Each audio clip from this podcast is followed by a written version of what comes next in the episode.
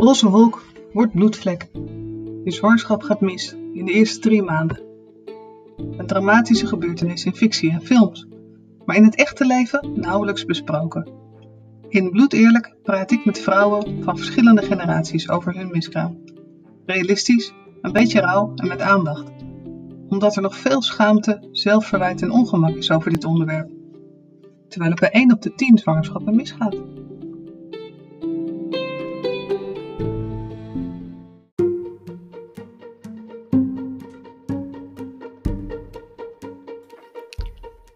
Deze aflevering ga ik op zoek naar de connectie tussen miskraam en werk. Het is een lastige combinatie. Aan de ene kant heb je steun nodig en begrip, ook van je collega's, en je moet fysiek herstellen. Maar aan de andere kant willen veel vrouwen niet dat hun collega's of zelfs hun leidinggevende weten dat ze een miskraam hebben meegemaakt. Meer openheid geeft meer ruimte voor betere verwerking. Een verlofregeling na een miskraam zou er zeker aan bijdragen. SGP-Kamerlid Christoffer en Kamerlid Senna Matog van GroenLinks hebben minister Koolmees zover dat hij hier onderzoek naar gaat doen. Op 13 april deden zij hier een verzoek toe. Nu is het zo dat je bij een miskraam voor 24 weken nergens recht op hebt. Natuurlijk zijn veel arbodiensten en veel werkgevers buitengewoon coulant en kan je je ziek melden. Maar het komt voor dat mensen gedwongen worden om vrij snel weer op het werk te verschijnen. Om over de vaders maar te zwijgen.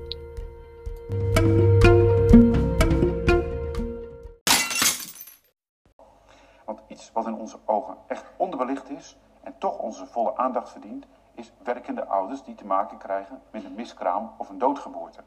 Terwijl ze net hun kindje verloren en die rauwe klap van dit verdriet nog diep voelen, wordt de werknemer vaak alweer verwacht op de werkplaats, voor de klas, op het kantoor of waar dan ook. En wat ik mooi vond, dat triggerde mij, was dat het parlement van Nieuw-Zeeland onlangs unaniem in heeft gestemd met een wetsvoorstel voor betaald verlof voor deze rouwende ouders.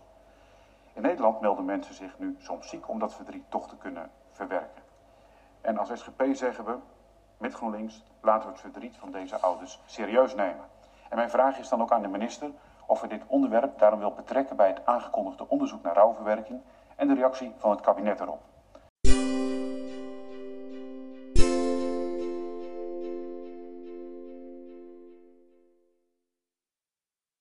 Ik heb contact gezocht met een oud-collega, waarvan ik weet dat zij een miskraam meemaakte. Destijds, toen we samenwerkten, wist niemand ervan. Ook nu wil ze er wel met mij over praten, maar liever niet met naam en toenaam genoemd worden. Nou, ik zet de band aan. Dus nou, om te beginnen, welkom. Hartstikke fijn dat je ehm, vandaag wil komen. Dat we even samen kunnen praten. We hebben lang geleden samen gewerkt. En daarna eigenlijk ook nog veel, hè, omdat we allebei uh, freelancer zijn inmiddels. We komen elkaar steeds tegen. Ja, we blijven elkaar tegenkomen. En dat is eigenlijk alleen maar hartstikke leuk. Ja, Maar we hebben ook lang geleden eh, op dezelfde redactie eh, rondgelopen. Eigenlijk in de, juist in de fase dat we allebei eh, aan kinderen begonnen. En nou ja, we hebben het ook even over gehad. Je wil liever niet met je eigen naam eh, vandaag meedoen. Van, omdat je veel verschillende opdrachtgevers hebt. Ja ik vind ook dat het iets heel privés is. En eh, ja, dat hou ik liever voor mezelf. Ja, nou, Ja. op zich prima. Wat ik gemerkt heb, is inderdaad dat er veel vrouwen zijn die het een goed initiatief vinden. En, die, en als ik dan vraag, goh, wil je een keer vertellen of wil je een keer meedoen? Dan ontstaat er aarzeling. Dat is best wel grappig. Dat ja, je- als je het zo zo over hebt, ja. Ja. Ja. Maar ja, het is ook iets heel ergs van jezelf. Ja, dat is en ook zo. eh, aan de ene kant is het fijn als je het met mensen kan delen. Aan de andere kant is werk meestal ook een omgeving waarin je dat juist een beetje wil afsluiten. ja, omdat, om een beetje op een andere manier jezelf te zijn op je werk. Ja, en, dat je dat toch, toch een beetje bij jezelf wil houden. Maar Wat- het heeft niet met schaamte te maken, toch? Misschien toch wel een beetje, ik weet het niet. Ja, denk het raakt ook een beetje je vrouwelijkheid. Ja, dat zou kunnen. Ik voelde me ook wel een beetje mislukt, zeg maar, inderdaad, toen. Ja, want als je, als je kijkt hoe vrouwen altijd in de media worden gepresenteerd, die zijn altijd eh, blij met kinderen. Vruchtbaar. Vruchtbaar, heel erg vruchtbaar. ja. ja. Ja. Een reden waarom ik jou had gevraagd, is, eh daar hadden we het in het voorgesprek ook even over, ehm, is dat jij me toen een keer liet vallen dat je redelijk veel doorgewerkt had, ook tijdens de miskraam of vlak daarna. En dat ik dat toen heel uh, ijzerheinig van, van jou vond.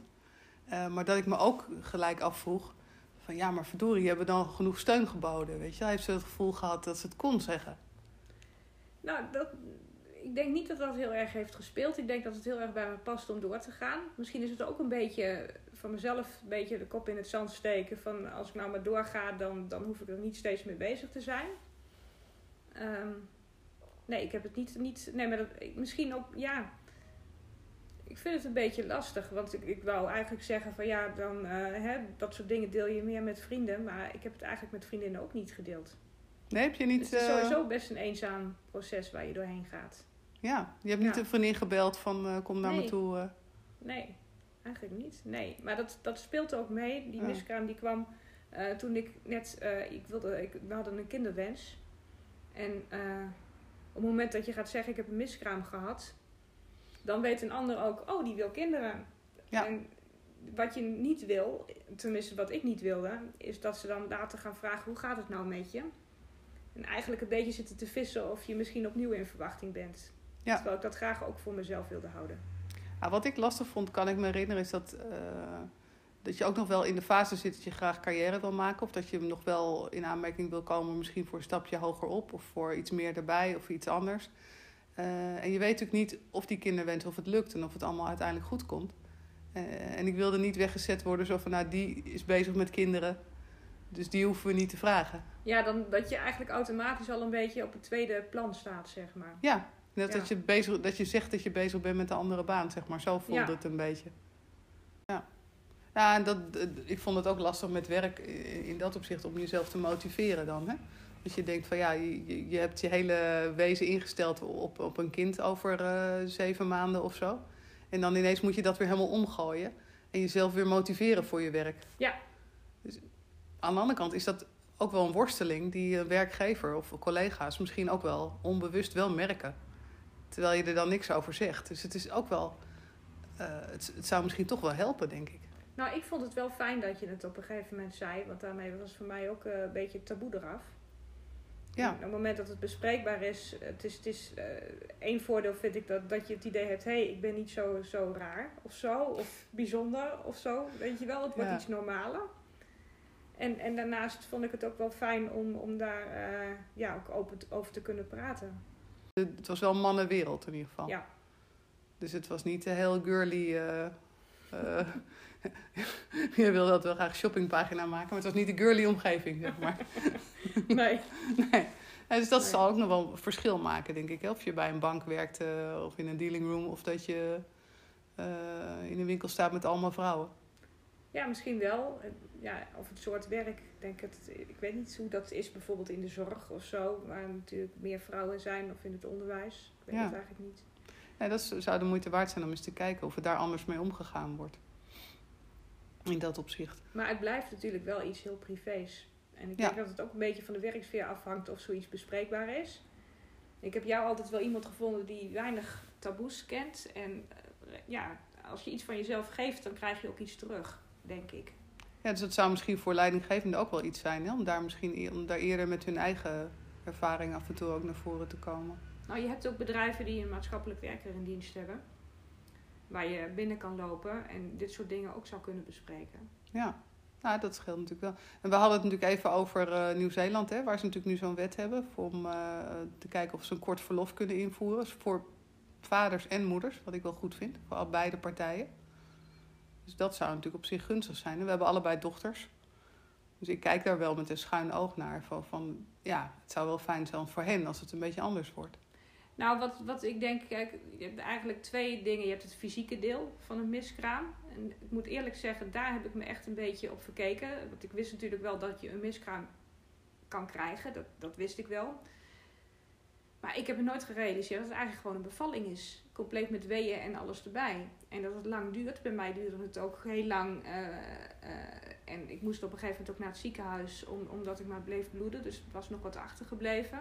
Maar het is eigenlijk gewoon een bevalling. Ja, En het is eigenlijk een beetje raar als je erbij stilstaat dat als je, als je eh, een eh, kind krijgt, dat je dan 16 weken verlof krijgt.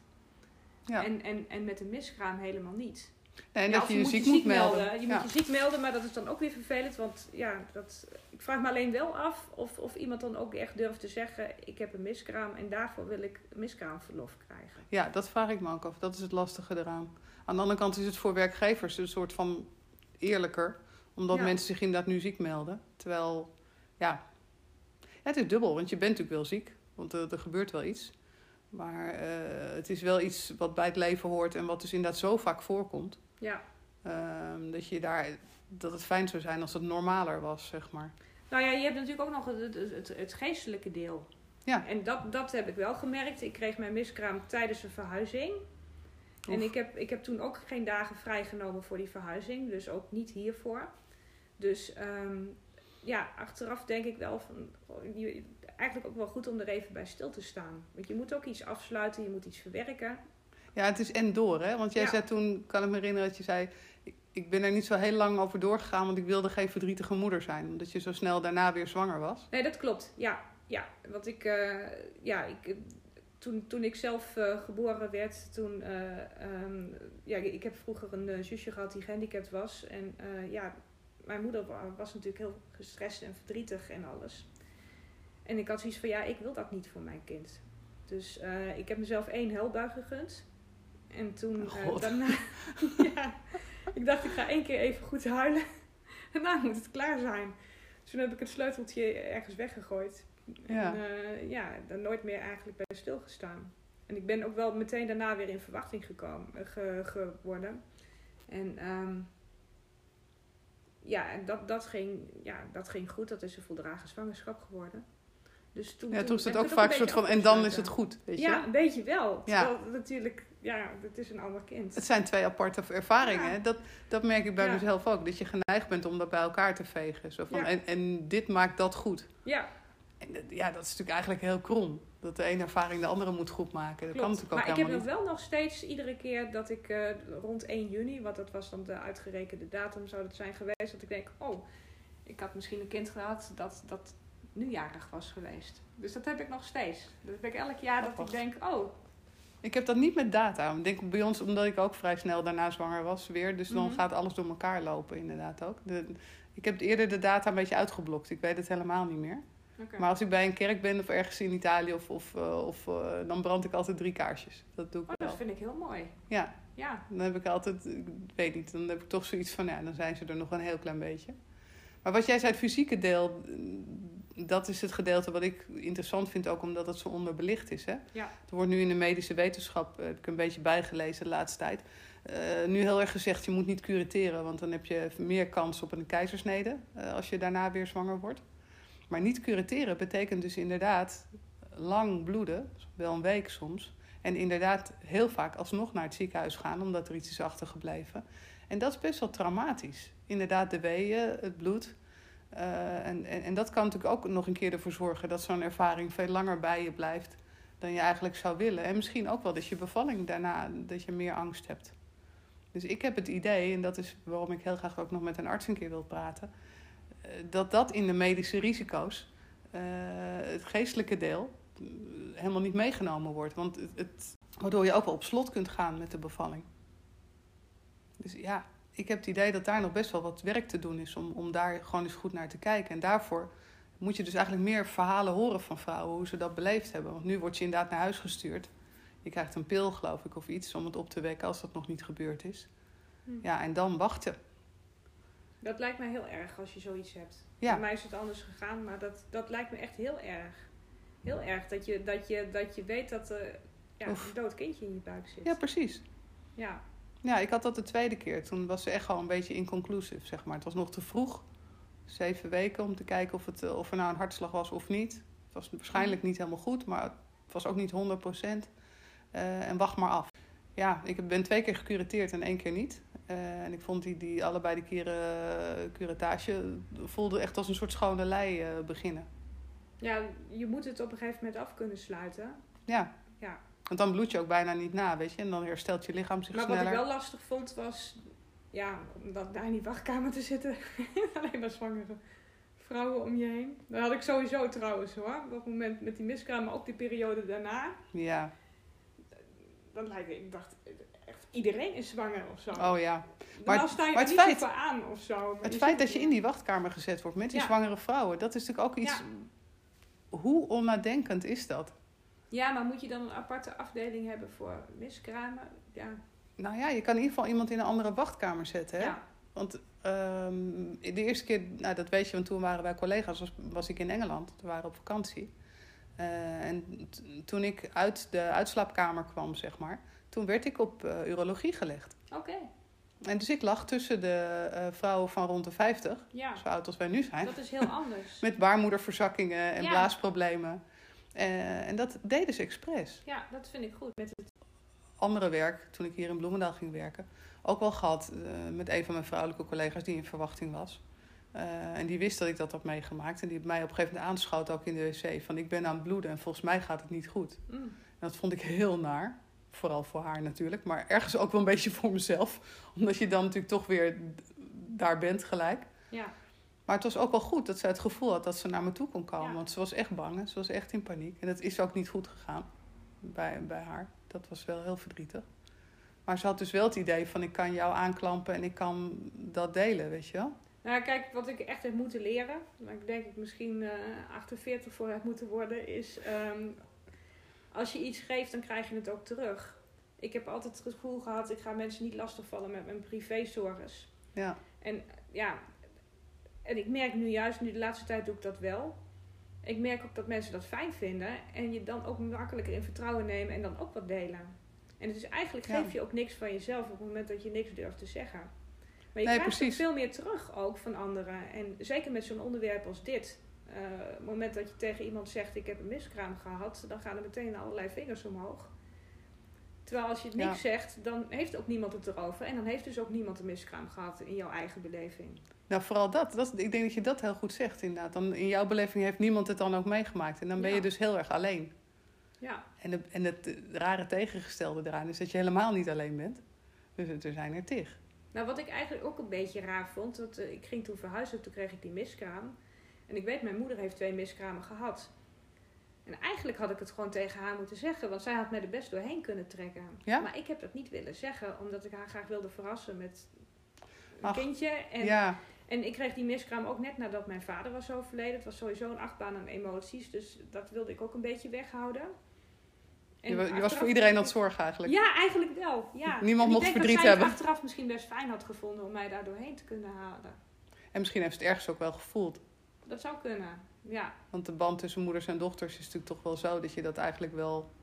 ja Maar- ik zat het wel heel goed verborgen te houden hoor. Want het was tijdens, eh, weet je dan stond ik even zo, oh, een zware verhuisdoos. En dan stond ik eigenlijk gewoon een wee op te vangen. Oh god. en dan kon ik daarna weer door. Dus ik gebruikte eigenlijk die verhuisdoos ook een beetje als een soort alibi. Oh, jeetje. Maar we doen onszelf dan soms tekort, hè? Ja, nogal hè. Kijk, want ja, Ja. het, het, het is gewoon nogal wat om mee te maken. Maar nou vraag ik me af, heb jij zelf het idee gehad dat het ook invloed heeft gehad op je werk? Dat je er minder bij was met je gedachten? Of was, was werk voor jou ook een afleiding? Ah, allebei, denk ik. Ik, ik herken wel heel erg wat jij zegt, dat- ik alleen maar zwangere vrouwen zag. Mhm. Zij werkte toen op de gracht en ik had het idee dat iedereen daar met een dikke buik rondliep. Wat natuurlijk kul is, want het centrum van Amsterdam staat niet bekend als eh, gezinsvriendelijk. Maar ik zag alleen maar dikke buiken voor mijn gevoel.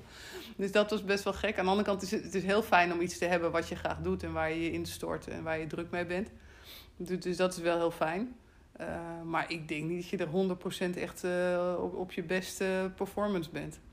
Alleen al door de hormonen die, die als een gek door je lijf gaan. Want je, gaat je gaat natuurlijk helemaal op qua hormonen. En eh, als een sneltrein vaart naar beneden. En dat heb ik best wel eens heel zwaar ervaren, moet ik eerlijk Ja, zeggen. dat was bij mij ook zo. Ik ben ook meteen daarna weer in verwachting geraakt. Ja. Dus die hormonen die, die schoten toen ook weer in volle omvang weer eh, omhoog. Ja. Ja. Ja. en ik vond de kant die ik aan mezelf wat minder vond, is de verbeterheid die ik bij mezelf merkte. Van ik wil in verwachting raken. Het leek bijna een soort prestatie, inderdaad. Maar ik, ik- ja, het, het, blij- het blijft een lastige periode. Maar heb jij met je dochters er niet over gepraat? Nee. Nee. Want die van mij weten het wel, maar ik moet zeggen dat we ook niet enorme gesprekken over hebben. Maar ze weten wel dat dat gebeurd is. Nou, ik heb ze wel verteld dat ik hier, hier zou zitten vandaag. Ik kan me eigenlijk niet eens herinneren of ik ooit heb gesproken over, over dat ik een miskraam heb gehad. En ehm, ja, ik, ik moet zeggen, ik heb ook wel zitten nadenken. Zou ik het met hun bespreken als als ze zelf in verwachting zouden willen zijn? Ja. Ja, je wenst het ze niet toe, weet je. Je hoopt dat het gewoon in één keer goed gaat. En dat het gewoon gezellig is. Maar ja, daar hadden we het er eerder ook al over. Hè? Dat is natuurlijk ook een beetje de keerzijde nu van Instagram en van Facebook. En Ja. het feit dat iedereen een- zo'n echo-foto deelt en de mooie dingen. Eh, en, en natuurlijk heel, veel, veel minder de, na, de nare kanten, de keerzijdes. Dus ja, in die, in die zin is het heel goed om van ons, van je familie te horen dat die keerzijde er ook is. Want je gaat hem van je vriendinnen en van, van de socials ga je hem niet zien. Nee. nee, je gaat niet op de socials zeggen dat je in een plas bloed staat. Nee, precies. En, en met name het plastische gedeelte. En ook, nou, wat jij terecht zegt, ook omdat het best wel heel erg privé is. Ja. Maar ook dat is denk ik iets wat vrouwen met elkaar moeten delen. Want het feit dat zo'n miskraam heel plastisch is... en dat je inderdaad weeën hebt... en dat je inderdaad in een plas bloed staat als je pech hebt. Ik heb nu voor het eerst in, in de research naar, voor dit project... eh, gekeken naar hoe een vruchtje eruit ziet als het 12 weken is. Ik heb, natuurlijk zijn die foto's er op, op, Google, weet je, kan je dat zo Mhm. vinden. Ik heb nooit durven kijken. Ik heb voor het eerst gekeken. Echt, echt een beetje zo. Oké. Heel bizar. Dat dat toch in een luikje inderdaad, of wat jij ook zei, een laadje in je hoofd zit. Dat je denkt van, nou, dat zit daar goed, eh, laat maar. maar ik heb dat net als zoveel mensen. Is dat natuurlijk, met name de eerste keer, is dat vruchtzakje door de wc gespoeld. Ja. Omdat je denkt, wat overkomt me? En dat Ja. gaat te snel en je beseft het niet. En ehm, achteraf, nu zie ik dat mensen dat in een mooi doosje doen of ergens begraven. Of, eh, weet je, Ja, ik weet niet, ook niet hoe dat nu zit met echo's of zo. Maar ik weet wel dat, dat toen ik daarna weer in verwachting raakte en een kindje zag, ja, ik, hij zwaaide met zijn arm. Ja, ik had het idee van hij zwaait, hallo mama, het gaat goed. Dat is natuurlijk helemaal niet zo, maar zo voelde het voor mij wel. daar had je ook behoefte aan, toch? Ja, Ja. en ik hoorde een hartje kloppen, dus vanaf dat moment was het voor mij een kindje en daarvoor was het iets Ja. abstracts. En, en ehm, met die miskraam, ik had nog geen echo of niks gehad. Geen hartje horen kloppen, niks gezien. Dus voor mij was het ook iets abstracts. Ja, ik, dat is denk ik ook het dubbele eraan waarom sommige vrouwen het gevoel hebben dat ze er niet over mogen treuren. Want ik heb ook nooit het idee van, ik heb drie kinderen verloren of zo. Dat idee Nee. heb ik ook niet. Nee, dat Daar ben ik ook wel nuchter Nee. in, denk ik, in dat Nee. opzicht. Ehm, maar ik vond wel een hele, ja, wat mijn zus terecht zei, een beetje brute ervaring. Ja. Dat vond ik wel. Ja, nou ja, Eh. dat, dat is wat ik ook net zei. Dat het wel echt een bevalling is. Ja. Hoe klein het ook is. Want ik, ik stond er ook niet bij stil. Ik dacht, het is zo klein, dat, dat merk je niet eens. Maar dat, je hele lichaam geeft aan, het is een bevalling. Je hebt ook echt weeën. Je loopt de hele dag te puffen. Ja, precies. Ja, ik heb Ja. denk ik vooral een beetje last gehad toen ik eenmaal wel bevallen was van mijn oudste dochter. Eh, eh, die kraamperiode daarna. Toen heb ik, omdat het allemaal zo snel achter elkaar gegaan was ook, Mhm. dat ik een soort eh, gevoel had van nu moet ik blij zijn, want nu is het allemaal goed gekomen. En dan haalt het je kennelijk toch in, omdat je dan natuurlijk ook zo'n, je hormonen maken weer zo'n dip naar beneden Ja. na zo'n bevalling. Eh, En toen ging het echt bijna mis. Toen hebben ze me heel goed in de gaten gehouden, heel veel vitamine B gegeven. Maar de kans dat je in een postnatale eh, depressie schiet, is dus best wel groot. Oké. Als je het niet verwerkt hebt. Ja, bij mij was die eerste bevalling, eh, ja, die eindigde op de intensive care. Dus dat, dat, was al het traumatisch was genoeg. zo ontzettend veel groter dan, Ja. dan alles wat daarvoor kwam. Nou, dat is natuurlijk ook, dat is wat wij ook tegen elkaar zeiden. Het is ook een periode waarin je zo ontzettend veel meemaakt in je leven Ja. al. Dat, dat het op een gegeven moment vanzelf naar achteren schuift. Dat klopt, want je krijgt meestal kinderen op, op een soort scharnierpunt in je leven. Je bent eh, Ja. net carrière aan het maken vaak. We worden natuurlijk ook wat ouder vaker als je kinderen krijgt. Je gaat verhuizen vaak. Als je pech hebt, kom je nog in een relatiecrisis terecht. Of, mensen, eh, of, of een van je ouders overlijdt inderdaad. Of, dus er gebeurt zo ontzettend veel Ja. tussen je dertigste en je veertigste.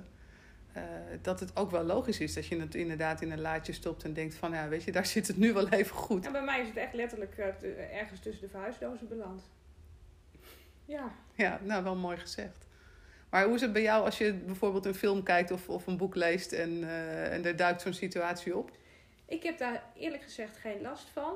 Maar ik moet wel zeggen, van toen ik jouw eerste podcast las... toen kwamen er wel in één keer dingen boven. Dat ik dacht, hé, hey, dit is gek. Of hé, hey, daar heb ik eigenlijk... Ik heb dat weggestopt, maar ik heb dat wel zo ervaren. En dus ook goed onthouden. Want ik, ik vond het wel degelijk heel, heel verdrietig. En ik heb getwijfeld van, ben ik in staat überhaupt om een kind op de wereld eh, te zetten? En het heeft mij heel erg aan, aan mezelf doen twijfelen. En eh, ik zag ook, wat ik net zei, alleen maar zwangere vrouwen. En uh, ja, bijna geobsedeerd. Ja. Zij wel. Ja, zij wel. Weet je wel? En En, soms niet. achterloos van die vrouwen die dan met een sigaret achter een wandelwagen. Ja, ja. Zij wel en ik niet. En ik zit netjes folium Ja. te slikken. En gewoon al, al, al, al weken voordat ik überhaupt eh, een poging deed om zwanger te worden. Al, al, al gestopt Ja. met alles wat, eh, hè, met, met alcohol, met, eh, met koffie. Super braaf. Ja. Ja. ja. ja. en dan merk je dat het, je ziet het bijna als een prestatie, terwijl het, Ja. het- dat en is ook het als niet. een soort beloning of zo. Van, ja, dat, dat, misschien een beetje arrogant hoor, maar dat ik dacht van ik doe, ik doe er zo alles aan. Ik doe hier alles goed. Ja, en, en, En verdomme. alsof je er recht op hebt. Ja. Dat is natuurlijk helemaal niet zo. En voor mij is het ook nooit een vanzelfsprekendheid geweest trouwens hoor. Ik, heb het altijd als, als, ik ben altijd verwonderd geweest dat ik überhaupt kinderen heb kunnen krijgen. Ja, maar het is denk ik, het is denk ik geen arrogantie of, of, of eh, maar, maar het, eh, kennelijk is, zit het wel zo in je hoofd dat je toch die verbeterheid, dat herken ik ook wel. Dat ik het moest en het zou. En ik heb altijd gedacht van, nou, ik ga niet zo ver als IVF of, iets, of andere dingen, maar volgens mij kan je dat pas zeggen op het moment dat je ervoor staat. Ja, Die drang is kennelijk toch zo groot. ja, Eh, en dat maakt de teleurstelling misschien ook wel eh, zo diep ja, als het dan misgaat. Want dan, ja, je hebt eh, daarvan mogen proeven, soort van, van het euforische gevoel. ja. Eh, en dan donder je ineens inderdaad van die roze wolk af. Nou, ik weet ook niet hoe dat nou is. Of dat nou heel anders is Ja. als je een miskraam krijgt nadat je al een kind hebt gekregen of daarvoor. Voor mijzelf was het echt een heel fundamentele twijfel. Kan ik een, überhaupt een gezond kind op de wereld zetten? Ja, en dat gebeurt heel vaak met een eerste zwangerschap. Hè? Ja, Dus dat hoorde ik achteraf. Het gaat heel vaak de eerste keer mis. Ja. Dus dat moet een groot gedeelte zijn van de vrouwen die dat heeft meegemaakt. maar ik, ben wel, ik heb wel eens afgevraagd hoe zou dat nou zijn geweest als het nou de tweede keer dan was gebeurd. Als ik al een kind had gehad, of ik dan wel voldoende zelfvertrouwen zou hebben. Hé, hey, ik, ik kan het. Denk ik, het is Ja, mijn man heeft wel eens gezegd dat hij het een lastige periode vond. Want hij zei, je wil heel graag supportive zijn en je wil het samen meemaken. Mhm. Maar je maakt het natuurlijk niet echt samen mee, want je ervaring is zo anders. Ja, De een heeft het fysieke deel en de Ja. ander staat erbij en kijkt ernaar letterlijk. ja, En hij zei ook wel, ja, dat is ook niet altijd leuk. nee, Dat je dus een soort van left out bent van, van dat hele ja. basale Ik, gebeuren. wel, ik ben wel heel blij dat ik vrouw ben. Ik ook. Ja, Hoewel je ook als mannen ziet kijken van, eeuw, er groeit iets in je. Dat is echt heel erg creepy. Nou, ik- ja, ik heb het wel echt een voorrecht gevonden hoor. Ja, dat is grappig dat je Ja. dat zegt. Zo heb ik dat ook altijd gevoeld. Dat het een voorrecht is dat je een ander mens op de wereld kan Ja. zetten. Ja. Nou, misschien is dat ook wel de magie, hè? wa- Waardoor het eh, ja, zo mooi is als het goed gaat. En zo eh, ontzettend verdrietig als het dan, eh, als het dan Ja. verkeerd afloopt. Ja. Soort van. Ik, ik wil je erg bedanken voor het gesprek. En nou, we gaan verder in de zoektocht en dan de volgende keer kijken hoe de mannen het beleven.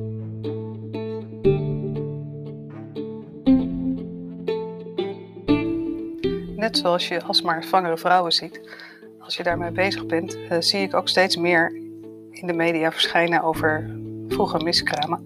En eh, wat ik daar positief aan vind, is dat er meer onderzoek wordt gedaan en ook meer wordt gepubliceerd over de impact van miskramen.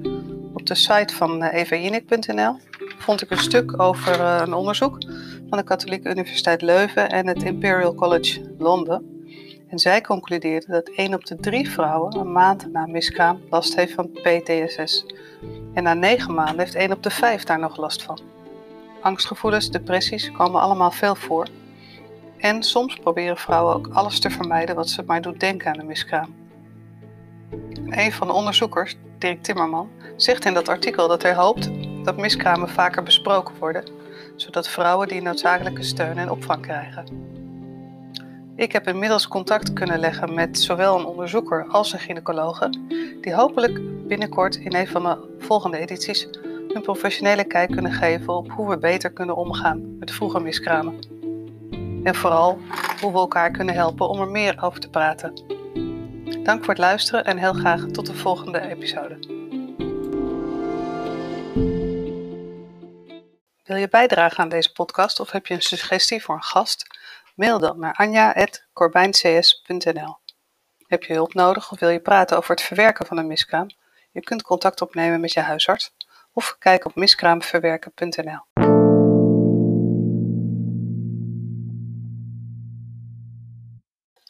Bloed Eerlijk is een onafhankelijke productie van Corbijn CS van Anja Corbijn. Ik ben contentmaker en financieel journalist en maak deze podcast op persoonlijke titel.